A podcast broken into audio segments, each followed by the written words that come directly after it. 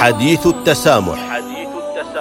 التواصل مع الحضارات والأمم يعزز التآلف الإنساني ويقدم انموذجا للتعايش مع الآخر وبما يؤدي إلى تحقيق أسباب السلام. حديث التسامح برنامج يعده ويقدمه سعادة الدكتور محمد بن سعيد المعمري. حديث التسامح.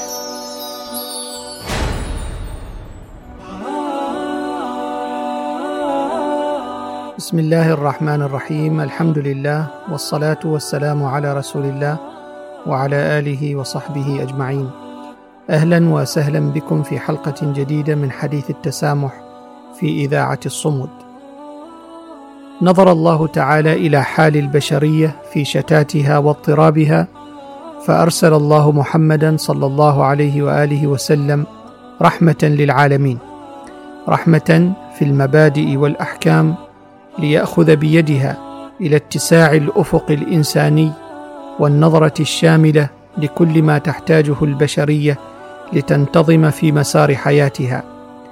جاء الإسلام بالحنيفية السمحة.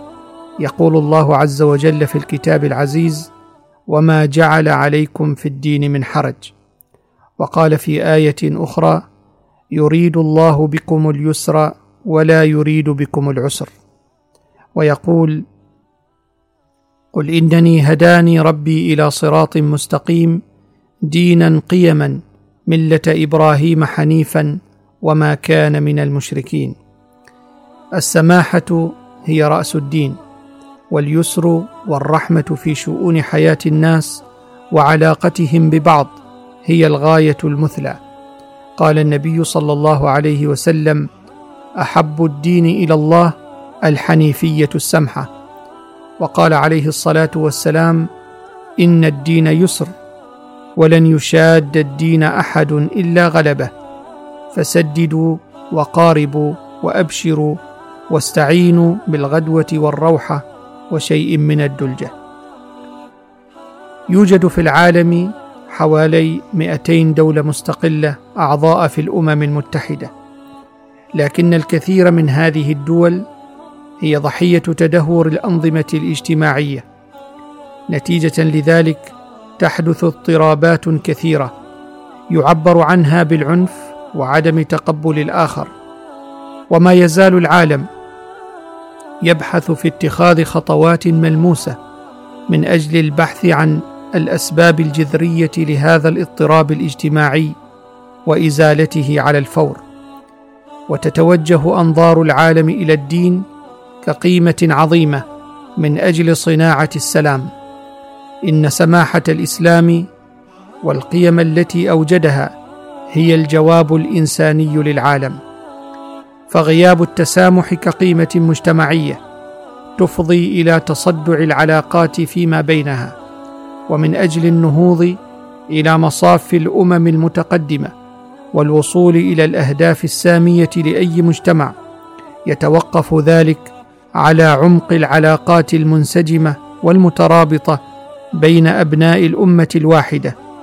وعلى ذلك يمكن صناعة الرؤية المستقبلية وبعدها يمكن التفرغ للمهام الأساسية المتعلقة ببناء الشعوب فالشعوب الممزقة والمنشغلة بشتات الأفكار لا يمكن أن تبني الأوطان.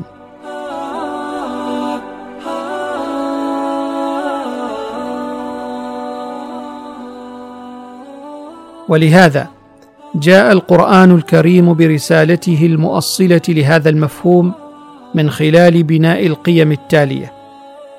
وحدة الأصل الإنساني انطلاقا من قول الحق سبحانه وتعالى يا أيها الناس اتقوا ربكم الذي خلقكم من نفس واحدة وخلق منها زوجها وبث منهما رجالا كثيرا ونساء.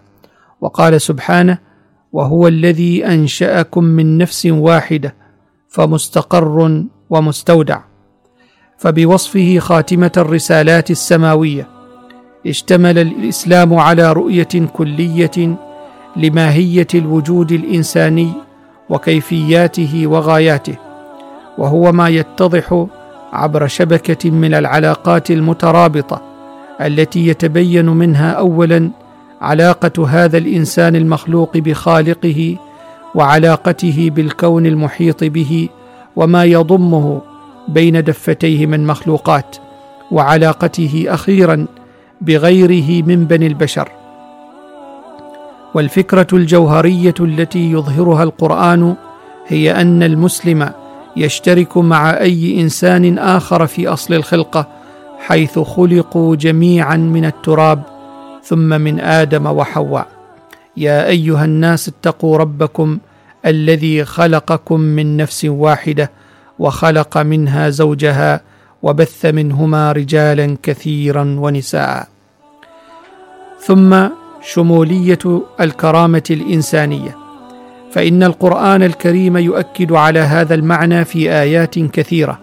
يقول الله عز وجل ولقد كرمنا بني آدم ويقول في آية أخرى فإذا سويته ونفخت فيه من روحي فقعوا له ساجدين. يؤكد القرآن الكريم على أن كل إنسان أكرمه الله تعالى بروح منه وكأن القرآن الكريم يمهد للتعايش السلمي من خلال هذه الروح المشتركة ويعطي للإنسان كرامة لا تضاهيها كرامة بسبب وجود روح الله فيه. وبناء على ذلك فإن المؤمن بهذه الحقيقة لا يستطيع أن يعتدي على هذا الإنسان الذي له هذه القدسية والتكريم من عند الله. ولذلك جعل الله عز وجل إزهاق نفس أي نفس بدون حق كقتل الناس جميعا. وقال سبحانه ومن أحياها فكأنما أحيا الناس جميعا. ثم اعتبار التنوع ثراء. يقول المولى سبحانه وتعالى ومن آياته خلق السماوات والأرض واختلاف ألسنتكم وألوانكم إن في ذلك لآيات للعالمين. وقال في آية أخرى يا أيها الناس إنا خلقناكم من ذكر وأنثى وجعلناكم شعوبا وقبائل لتعارفوا إن أكرمكم عند الله أتقاكم. في كثير من الآيات يشير القرآن الكريم إلى حقيقة أنماط التنوع الإنساني وأنه من مقتضيات المشيئة الإلهية ويتخذ هذا التنوع اشكالا عدة منها التنوع الجنسي كما في قوله تعالى وليس الذكر كالأنثى فجعل من جنس البشر ذكرا وأنثى وأيضا التنوع العرقي والقومي كما يتبدى في قوله سبحانه وجعلناكم شعوبا وقبائل لتعارفوا إن أكرمكم عند الله أتقاكم إن الله عليم خبير. وأيضا التنوع اللغوي والإثني كما جاء في قوله عز وجل ومن آياته خلق السماوات والأرض واختلاف ألسنتكم وألوانكم. إن في ذلك لآيات للعالمين. وأيضا التنوع الديني.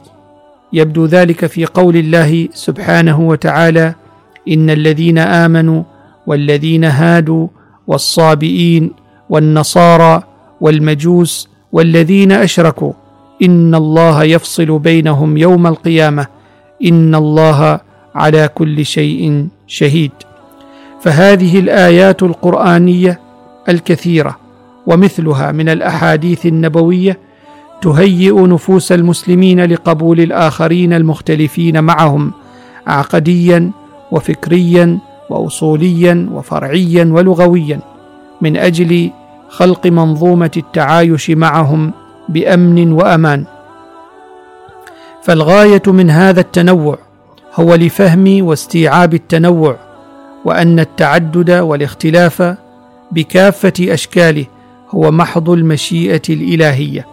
يقول الله عز وجل ولو شاء ربك لجعل الناس أمة واحدة فجعل الله سبحانه وتعالى الناس مختلفين ومتنوعين بكافة أنواعهم وأشكالهم وتنوع أعراقهم وأجناسهم ولغاتهم وإثنياتهم وأديانهم ذلك كله من أجل تحقيق مراد الله سبحانه وتعالى فيهم. وأكد القرآن الكريم على حق الاختلاف فالاختلاف سنة كونية اختلاف الناس في أديانهم وعقائدهم سنة قدرها وقضاها رب العالمين لحكمة عظيمة وغاية جليلة وهي الابتلاء والاختبار.